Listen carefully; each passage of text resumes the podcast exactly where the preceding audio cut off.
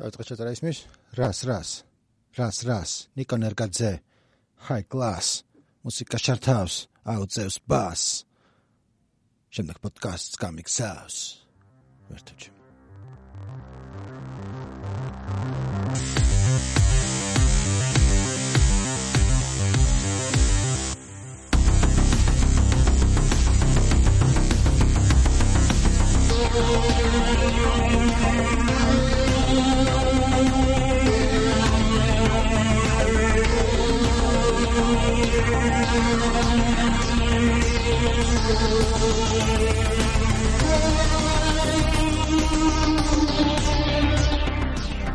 ნახეთ რა ფრისტაილით დავიწყე, სრულიად ეს თქვა სპონტანური იყო. ვერ შეატყობდით, იმიტომ რომ იყო კარგად გამართული რიტმები, flow იყო დამაჯერებელი, ხმა, ესეთი როგორც სწორედ ესეთი როგორც შეფერება.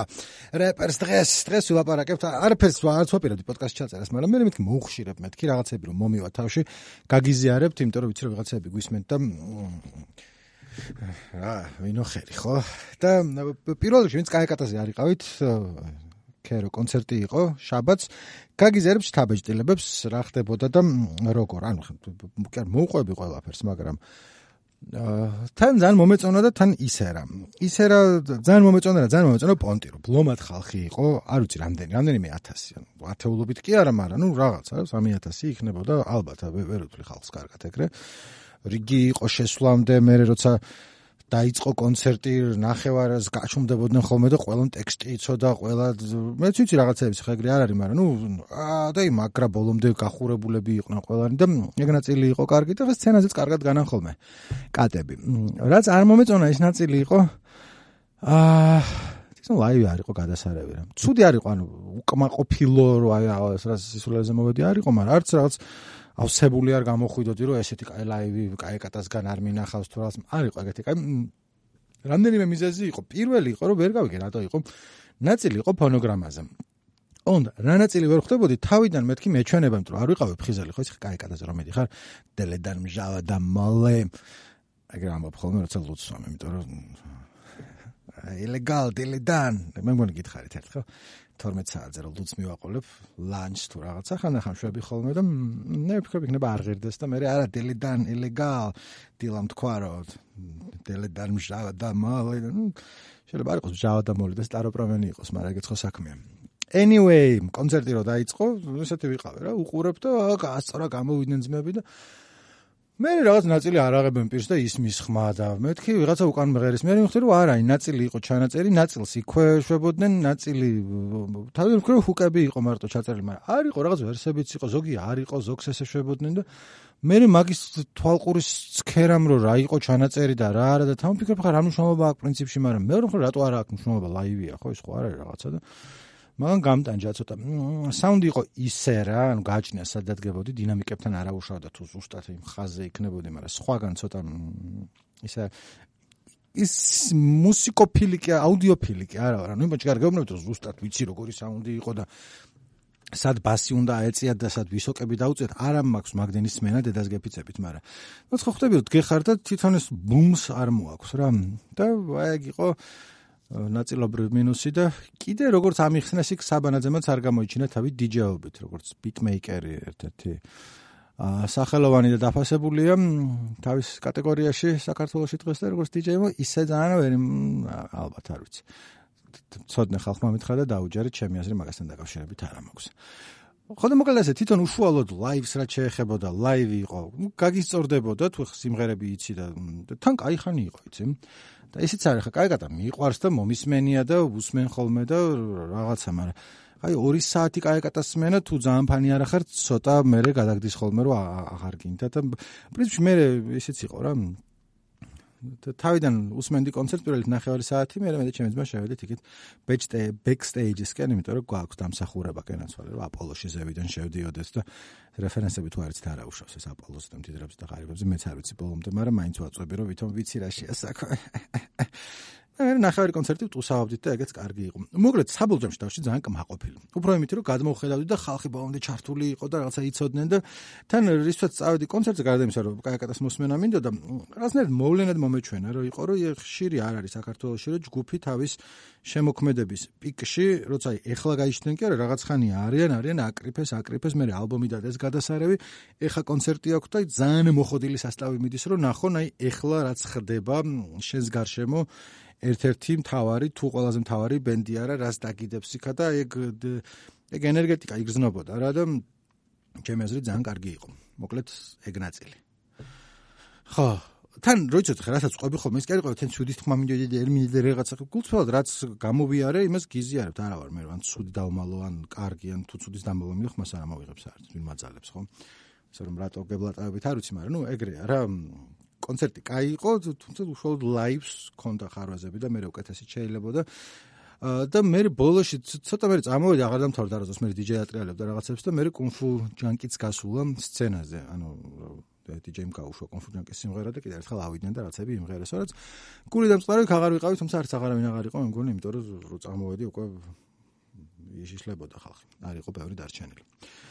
აი ეს ყველაფერი რაც მინდოდა მე თქვა კაიკატას კონცერტთან დაკავშირებით და კიდე მაქვს რაღაცეები, რაღაცეები რაც მინდა გაგიზიაროთ და ახლობით ესე ამეხანში 20 25 წამში.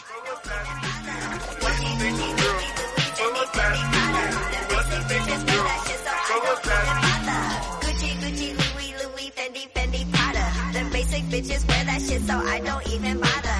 I put that on my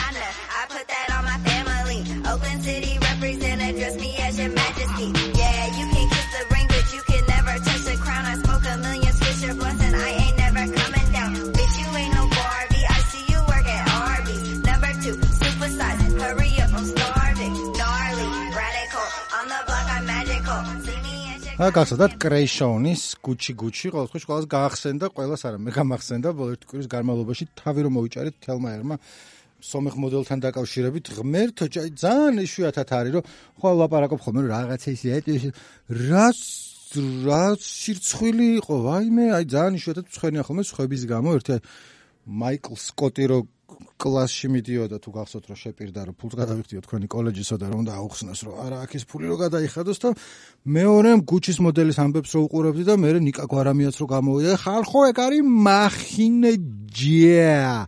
მახინე! უშნო და წერა მაგრამ რა მნიშვნელობა აქ ერთად იგივე გულისხმობოდა და მე განსაკუთრებული ის იყო რომ კიდე armenophobeების ღიად მესმის ანუ არ არ მესმის ანუ არ არის სწორი მაგრამ რას ვამბობ რომ გასაგებია იმეთი პოზიცია. ის ვინც გამოდიოდა რომ არა ხა სომხობა რა შუაშია? ეს უბრალოდ არ არის ლამაზი ხა ეს ხალი არის მახინჯი რატომ გვაძლევს ამას გუჩი როგორც შილამაზის ეტას ვაი დააყენე რა. ის იცი პრადას სახე იცი ვინ არის ან არმანის ან რა ვიცი მე ჯერ ერთი და მეორეც ერთი იცი რომ ეგ გუჩის სახე არის თუ რაც მეში იყო გამოსული ჩვენებაზე როგორც გამოყავთ ხოლმე ჩვეულებრივი ხალხი ჯერ ერთი და იმას არ მომფრო ლამაზი არ არის ლამაზი ვინ რა შენი საქმეა დაეტიე რა მიუხვდენი კადა წარმენოფობი არა შუაშია რომ არავინ არ თქვას ჭკუად ყოფილმა და თუ მაგას იტყვით ცდებით საკუთარ თავდან და სულ ყველასთან რომ ირანელი რო ყოფილიყო გოგო ამ ხელ ამბავი აწყდებოდა კი არა ერთი ორი ადამიანის მეტი ვინ გააზიარებდა იმიტომ რომ შეხედავდი ნუ გაიგო ირანელი გოგო არ მომწონ შესახედავად მაგრამ არიან შეიძლება სხვა მოდელებიც რომელიც არ მომწონ შესახედავად. მე ინსტაგრამზე შეუვარდნენ დედააფეთქებული რაც ქართლა ისე მახინჯო შენ არ გაგშიმავდეთ რაც ვინ გთხოვა საერთოდ საიდან მოდიხარ რა გინდა? თან სულ ყველაფერს თავიანთი ფეხზე რატო არ კაი რატო აღეგზნო სულ ყველა გოგოსთან დაკავშირებით რა მე ჩვენი ანასტასია ელაპარაკა ინსტაგრამზე მიწერა და იმან უპასუხა რომ არა ვარ გუჩის სახე ვარ ჩვენებაზე გამოვედიოს დიზაინერი ვარ ხატვარია თავის არის ნორმალური გოგოა ეს არა და არაფერ იმსახურებდა რომ თელი აქედან შემოსულიყო და მახინჯო! ო უშნო! რატომ გვატენის გუჩიამს ნორმალური ადამიანი შემოგტენა ძლივს. ეგარჯობია იმას. დაფოტოშოპებული ბარბები რო დადიან არა ადამიანური რაღაცა იმით. კი არ მომბობ რომ ჩემთვის ლამაზია თუ არ არის მაგას რა მნიშვნელობა აქვს თორე ბევრნაირი ადამიანი არსებობს და ზოგს რაღაცა ელამაზება და ზოგს სხვა რაღაცა ელამაზება და მე თუ ყოველჯერ ესე დავჯექიდე ე ნიკო ნერგეჯიმ გადაწყვეტე რომ ერი მისი ერი დამოსვალო ვინ ჩემ ფეხები ვარ? ხო ან მე და ან სხვა ვინც მაგაზე გამოვიდა და განსაკუთრებულად მნიშვნელოვანი აზრები გამოთქვა. მე გუჩი თქვა რომ მომწაი თქვა რომ აი ჩვენება მინდა გუჩის ვიღაც ტიპმა. თავად გუჩი ალბათ არის ყარო გუჩის რა ქვია და არა ვარ ეს მოდის ექსპერტი, მაგრამ ვიღაც ტიპებმა, ვინც მაგისის პურს და ყველს ჭამენ და ზევიდან მას ხიზილალს გადაასმევენ ხოლმე, იმიტომ რომ გუჩის ჩვენებებს აწყობენ, სადაც აწყობენ იქ და მე აპოლოში შედიან მეორე სართულზე, კი არა და პირველ სართულზე და კაბარეს გაივლიან და უცხო ღარიბს არ დაინახავენ არსად. იმად გადაწყვეტეს, რომ ეს სახე გვინდა იქო და ამასობაში გამოვიდნენ ჩვენები და თქოს რა გინდო და რატო გადაწყვიტეთ ეს ჩვენი აზრით ეს არის შეუშნოვე და არა სინტერესოვე და სირცხვილი არისო? თუ რაღაცნაირად მაღაზრზე იყავით რომ კი ვამბობ რომ გასაგებია შეიძლება ვიღაცა მოგეწონოს ვიღაცა არ მოგეწონოს ბაზარი არ არის მაგრამ აი მასშტაბებს და განხილვას და რაღაცას ხო აქვს მნიშვნელობა და მეორე მგრეტა რა გვარია იმ გოგოზე? კაი არ მოგეწონა არ მოგეწონა ჩემი ფრენდების ნახე სტალინი გამოიწრეს რაღაცა ის 16 წლის გოგოა რასაც გულით გამოდის და რაღაცებს ლაპარაკობს. რატო გადაასკნო მთელი ქართველიერი და თან ვიღაცეები მე რა ქვია ამ კაც მე რომ გავს შესახედავად როგორც მითხეს და ანარქისტი რო დამავიწყდა გიორგი იმას ეწერა რომ რაღაცა განსხვავება სხვა აქტივის შორის და ის ლამაზი იყო და სამწერტილი რომელიც კარგია რომ დაწერა იმიტომ რომ უმეტესობა ასევე გრეტასაც ერჩოდა რომ რას გავსი მახინჯი არა თუ გამოდის გიჟის სახში და ეს როგორი იყენებენ სხვები მაგას და ხმას არიღებენ როცა 20000 სული საქართველოსდან დაწყებული იმით დამთავრებული პერუთი 16 წლის ბავშვები სწორედაც რომ ჰასტუხში გამოწყობილები რომ აგდიან ხოლმე იქ ზოგი რაღაც ახალგაზრდული პოლიტიკური გაერთიანებიდან და ზოგი სხვა ახალგაზრდა პოლიტიკური გაერთიანებიდან და იმავეს ლაპარაკობენ ოღონ დავარცხნელად ის we chose in my country there is this big problem და მე რაც ინსტაგრამზე იმასდებენ self-ებს და ერთმანეთს იმას შვებიან ხელს უყოფენ შარვალს ეს იყო ბოდიში არ იყო საჭირო მაგრამ ხო ხვდები ერთმანეთს რო ულოცავენ რომ აუ სახელ რა მაგრა გამოხვედი და არანაირი კვალიქიდან არ რჩება გარდა იმისა რომ ვიღაცებმა სარკეს ჩაიხედეს და ლამაზად გამოეწყნენ და ბრიუსელში ყავადალიას თუ რაც კარტოფილი ჭამეს თუ რაც აქვთ იქ რა აქვთ ბრიუსელში შოკოლადი და კარტოფილი ლუდი და ბევრი რაღაც აქვთ კიდე ბავშვებს სამს მოკლედ, იმის თქმა მინდა რომ ეს რაღაც ეხა ეს გრეტა შეეცოდა სულ ყველას და 1000 მსგავსი რო ჩადის ხოლმე ყოველ დღე და ალბათ ბრიუსელს რატო გადავოქდი როცა ნიუ-იორკში იყო? მოკლედ არა აქვს მნიშვნელობა რომელიღაც ინსტიტუტი იყოს გინდა გაერო იყოს და გინდა ევროკავშირი იყოს და გინდა ევროპარლამენტი. სულ გამოდიან ხოლმე რაღაც ახალგაზრდა ტიპები რომელიც ლანჩზე გამოვიდნენ მე ჩამოფრინდნენ იქა და მოაწყეს სპიჩი მოაწყეს და არავის ეგ არ ახსოვს თუმცა ზუსტად იგივე თქოს. და მაგრამ რაღაცა ქემენ ყურადღება მიიქცია დავიღალე. იმიტომ რომ რაღაც უცებ მოიხოდა რომ რა თან იქიდან გამომდინარე, კი არა, გამოდიო რომ გრეტა მაინამაინც ჩემი გმირი გახდა და ვიღაცას მოწონს თუ არ მოწონს თქვენ სისულელები ლაპარაკა ბაზარი არ არის არ არის სწორი სინამდვილეში კლიმატის ცვლილება არ არის რეალური კლიმატი არ შეიცვლება 100 წელი დედამიწაზე სულ ვიქნებით და ჩაყარეთ პლასტიკი მაგის დედაც დაიხოცნონ თევზები რა და რა გაგიკეთეს თევზებმა არ შევჭამ თევზ ბოლოს და ბოლოს და ზოგი თევზი უგემურია და რავი რა ვიცი მე ან შეიძლება რომ რაღაც ეს კლიმატურება მეერე მოხდება და შვილიშვილები არ მყავს არც მევასება მაინდამაც ბევრი ის შეიძლება თქვა რომ არ მინდა რა ეს კლიმატზე მოსმენა რა სხვაზე მინდა მოსმენა. ისევე როგორც თქვა არ მინდა ხოლმე ამას წინათ რაღაც ნუ ვოლტის ჯგუფი იყო თუ არ ვიცი მოკლედ. ფოტოებს დებენ ხოლმე შიგნით ვისაიდ როგორი საჭმელი მოვიდა რაღაცა და ერთ-ერთი პიცის კომპანია არის თურმე ახალი. აა რა ქვია პიცა მოვა ალბათ. თუ ვწდები და ვიღაც სხვა სტენი არ არ ვიცი მაგრამ მოკლედ გემრიელი პიცაა ამბობდნენ ასე რომ თან რეკლამა გამოდის, მაგრამ თან ფოტოზე იყო რომ ეს სპიცის ყუთი სადაც იყო ჩადებული, დაკრული იყო ეს ანტიპუტინური განცხადებები რო არის საქართველოს სოციალური ოკუპირებული, კი არის ზუსტად რა ეწერა, მაგრამ პუტინის ფოტოა და ზევით რაღაც პნხ თუ ხუილო თუ რაღაცა ეგეთი აწერია და ცოტა იყო საერთოდ აღშფოთი კი არა, არ აღშფოთი. პროსტა პიცას რო ჭამ, იქნება არ შემახედოთ პუტინს. აი, ხო შეიძლება მესმის რომ პუტინი კარგი არაკრიაზეთ, მაგრამ ხო შეიძლება პიცა ისე ვჭამო რომ იმ წუთას აი შენ ახლა ამ წუთას არ ფიქრობ სამეჩაბლოზე თუ რაღაცა და შეიძლება რაღაც მომენტში არ ვიფიქრო სამეჩაბლოზე და პიცა ვჭამო და მე ვიფიქრო და მანამდე რაღაც იმის დროსაც მაგრამ ერთი ეგ და მეორე არ არ მი პიცა მინდა ნუ მაყურებინებან პუტინს რა არ არ მიდის ერთად კარგად ეს პიცა და პუტინი თუ რაღაც ორივე სუპერ ფანი არ ახარ და არა რახან რები მაგიზიანებს მაგას ჩამოვყვები კიდე იმას. გამოსობაში აღარ გავაკეთე პოდკასტი სამზარეულოს ომებზე. აი რუსთავი ორზე რო გადიოდა ნიკა კვარამიაც რო იყო იმ რუსთავი ორზე და არა ეხლა რუსთავი ორზე. და არა მასტერ შეფი და მან ვიყავ ცოტა გაგიჟებული რომ კასტინგი კო გვარჭი ბოლოში იყო 15 კაცი დარჩენილი, ყველა კაცი, ყველა ერთნაირი, ყველა წვერი რაღაცნაირი ლამბერვიძე თავის ჟიურიანად ყველასთან ერთნაირად ხვაცვიათ ხოლმე გუნდებს და კაცი დედა თუ განასხვავებდა ერთმანეთთან ვერ ვარჩევდი რომელი რომელი იყო ნუ ზოგს ახელებს ეძახდნენ ზოგს არა და დარწმუნებული ვარ რომ ყველა ინდივიდუალური და ღრმა პიროვნება საინტერესო გარეგნობით ბაზარი არის სხვა საზავწური მაგის გამო მე მეთქი რომ რატო არ ზარმაც თორე ეხა უნდა ეხა არის დრო რომ გაპარსვა დაიწყო კაცმა ყოველყი აი კარგად გაპარსული ხარ ხოლმე რომ მე სხვაზე რო ლაპარაკო ფარისეველი კი არა რომ მეც გაუპარსავი ვარ და ხშირად წვერიანიც იმიტომ რომ ვიპარსავ თვეში ერთხელ იმიტომ რომ მეზარება. მაგრამ მაგაზე კი არა რომ მე მეზარებე და ისინი უშვებენ და მე კაი ტიპი ვარ და ისინი მრავალფეროვნება ხალხო რა ხეკრო უყურებდი ჯერ ერთი ვიღაც ერთი ორი წამლად გოგორო ყოფილიყო იქნებოდა გადასარევი და არ თქვათ რომ ის აბა კოტირება გინდა ძალით ხوار არ არის კოტირება მან ხდება ყველა ვარიანტში გადაცემასაც არის მასტერ შევს ქონდა ეგრე კარგად მასტერფული გაკეთებული. თუ ქალებიც იყვნენ კაცებიც იყვნენ და თავისი რაღაცნაირი კომბინაცია იყო და იმაზე არ არის ქალთაუფლებს და ფემინიზმი თვალს უხარია როცა მრავალფეროვნება როცა გადაცემას უყურავდა 12 წვერებიანი მამაკაცი დგას იქა რა ვის მოწონს ეგა? ვიღაცა ალბათ გეის რომელსაც წვერებიანი მამაკაცების ფეტიში აქვს მხოლოდ მაგრამ დარწმუნებული ვარ ისიც გადართავდა და იტყოდა რომ კაი ეხა ერთი გაპარსული მაჩვენეთ რომ რაღაცა ის არ იყოს მარტო მარტო ეგ არ იყოს. ასე რომ ხო. და ეს პუმას აკეთებდა სულ ყველა ეს პუმა ისეთი ეს პუმა ესეთი და კაფი კი გამიგიამთ კაფი არის რა ეს პუმა კულინარიული მაგრამ ყველაფერში ეს პუმის ჩათხრაც გასაგებია რომ კარგად ჭრეს და მეორე რაღაც სიტყვა რო ამოქეკ ეს ქართული ჩალორწყილი კი რაღაც ჯონჯოლო ხო ყოგნაშო ჯაღანჯღალ გასაოთ ეს სიტყვა ჯაღაჯღინი ბაღანოლე ჩაბონძი რაღაცა იყო რა.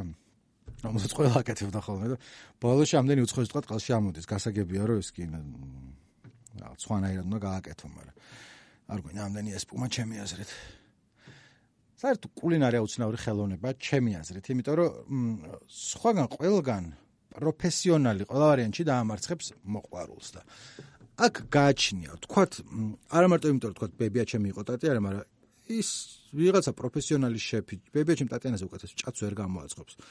შანსი არ არის, რომ ძალიან მაგარი, იმიტომ რომ მარტო ბავშვობის რომანტიკული ვარდისფერი სათვალიდან უყურებ, ძალიან მაგარი ჭადი იყო რა, ძალიან სერიოზულად აკეთებდა დატიანა. თქვენ წავდავთ თქვენი ბებია და რაღაცა რომელიც თავის რაღაცას შეიძლება ჭაც უკეთეს აკეთებდა დატიანაზე თქვენთვის ბაზარი არ არის, არ დავიწყებ მაგაზე. აა კაჩაობას ან რაღაცას და თან ყველაზე გემრიელი საჭმელები ჩემი აზრით ხე კი კაია როცა გადაიხდი რაღაც სიტყვაზე 200 დოლარს 300 დოლარს თუ რამდენია და მიშლენის ვარსკვლავიან სასტუმროში რაღაცებს მოგის სასტუმროში და რესტორანში რაღაცებს მოაქვს და ესეთი ესეთი მთელი გამოცდილება და ფული რომ კონდეს სიამონებით წავიდე და თუ შანსი შემექნა წავალ კიდევაც თუ რომ მევასება საჭმელები და რაღაცებს კითხულობ და უყურებ და რომ მაგ ხრიდან არ ვლაპარაკობ მაგრამ საქმე საქმეზე რომ მითქეს ახლა ჩემთვის ხო ყველაზე გემრიელი საჭმელი რა შეიძლება წარმოვიდგინო მე ხორცისტი ვარ და რა ხორის მწვადი? ან რაღაცა თქვა კახეთში ხაშლო რაღაცა ეგეთი რა მარტივი რომელსაც ადგილზე აკეთებენ რომელსაც ეხა მესმის რომ რაღაც ბარბეკიუსის შეიძლება იყოს ღმერთი მაგრამ აი ვიღაცა ტიპი ქრო არის კახელი არა ვარ თან მაგრამ ეგ რომ მიჩვეული არის და რომ იცის რომ როგორ ააცვას შამპურზე და მთელი ცხოვრება ეკეთები ეგეც რანაირად გააკეთებს ვინმე. არ ვიცი რა. და რაღაცებს ხავს კიდე თავისი მოხამე თქვა კარაქიანი პური და ყველი რო გაგჩადებული დილას რო კითხულობ 14 წლის რო ხარ მეგობრები რო არ ეთყოს და სახში რო ხარ შენთვის მხოლოდ ციგნები არის შენი მეგობრები და ეს караქიანი პური თონის პურზე ალაპარაკი ყველით და შეიძლება საყვარელმა დეიდამ კაკაო მოგიხარშა რაღაცა გუშხეთში ხართ აა რა კარგია რა კარგია ხო იმას გეტყვით ახლა ორი რაღაცა დამრჩა. ერთი ანეკდოტი უნდა გითხრათ, რომელიც წავიკითხე Reddit-ზე და ძალიან მომეწონა იმის და მივხვდა თუ სანამ არ ამიხსნეს მე თვითონ ვერ გავიგე. როკ ჯგუფს შეეხება ეს ანეკდოტი და რომელსაც გეტყვით 99% ვერ გაიგებთ. არა იმიტომ რომ სულელები ხართ, არამედ იმიტომ რომ შეიძლება snow petrol-ის შემოქმედებას ისე კარგად არ იცნობდეთ. ანეკდოტა ესეთი, რომ snow petrol-ი შედიან ბარშის ჯგუფია snow petrol და იმის წევრები. და აუ ბარმენი ეტყვის რომ თქვენზე უგიჟდებიო თქვენი ყველა ალბომი, ყველა სიმღერა ვიციო, რა ჯიგრები ხართო, რა კაია რომ მოხვედითო. რას აკეთებთო და ისინი ამბობენ რომ აი რა ვიცი ხო ბარ ჰოპინგს ვაკეთებთო ბარიდან ბარში დავდივართო და სვამითო აუ რა მაგარიაო ბარმენი ეუბნება რამდენ ბარში იყავითო უკვე და ორში ვიყავითო და მესამე თქვენიაო სნოუ პატროლი ეუბნება და ბარმენი გაეთხრიეთ აქედან თქვენი დედებიო და ამოიღებს ჯოხს. ეს არის ანეკდოტი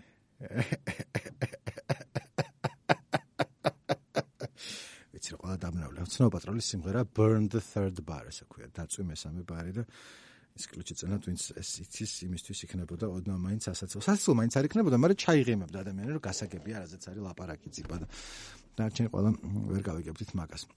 მე არ ვარ snow petrol-ის snow petrol-ს ისე ამბობთ, თქოს Z იმაზე იყოს ლაპარაკი, benzene-ზე snow petrol, okay? და მათ შესახებ ამას წინათ გავიგე, როცა აღმოჩნდა, რომ მათი სიმღერა ნომერი პირველი არის ინგლისში, რაც ბოლო ბევრი წლის განმავლობაში. და თუ არის რომელი სიმღერა შეგიძლიათ ჩაწეროთ და ის სიმღერა იცით, იმიტომ რომ არის ხოლმე. ვაფშე არ გავს ამას ახლა წავიმღერე. ის რომელი სიმღერა, აი ამას რო არ გავს. არაფრით ამას არ გავს. აა დღესაც მოკლე პოდკასტი გამომეორე. არც ვაპირებდა მომზადებული არ მოვედი, რაღაცა ის მქონდა კაიაკატას კონცერტის მერე შტაბეჭდილებები და მინდოდა რომ ეგენი გამეზიარებინა და რა ხან ეგენი გაგიზიარეთ 5 წუთში მერე კიდე გუჩი გუჩი. ლუი ლუი ფენდი ფენდი პრადა basic bitches where the shit so i don't even bother. All text კი მახსოვს რა კარგი რა კარგი ტექსტის მახსოვრობის კულტურა მაქვს.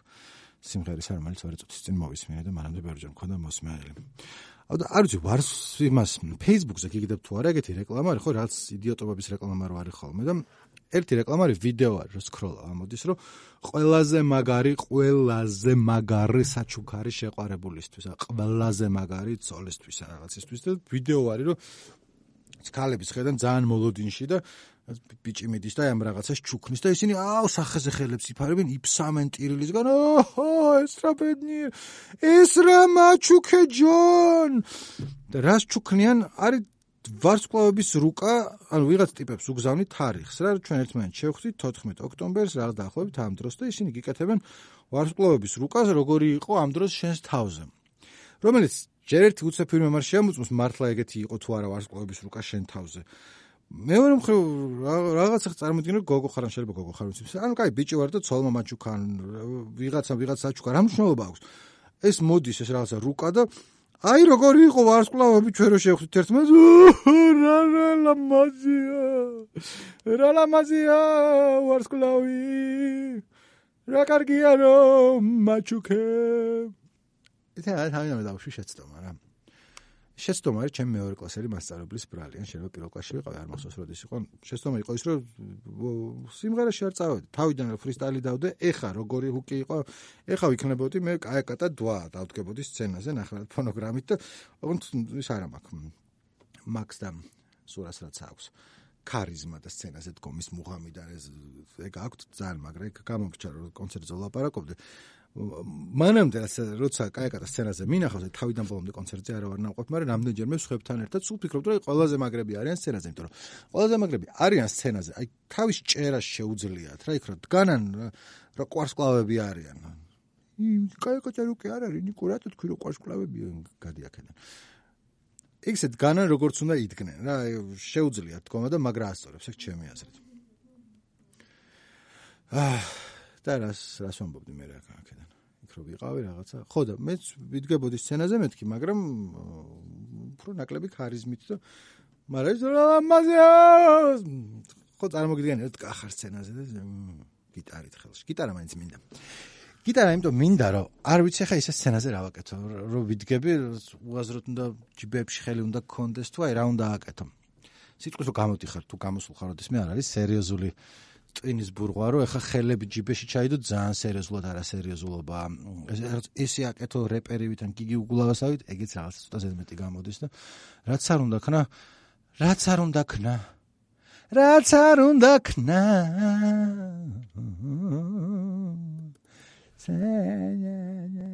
წავედი ხა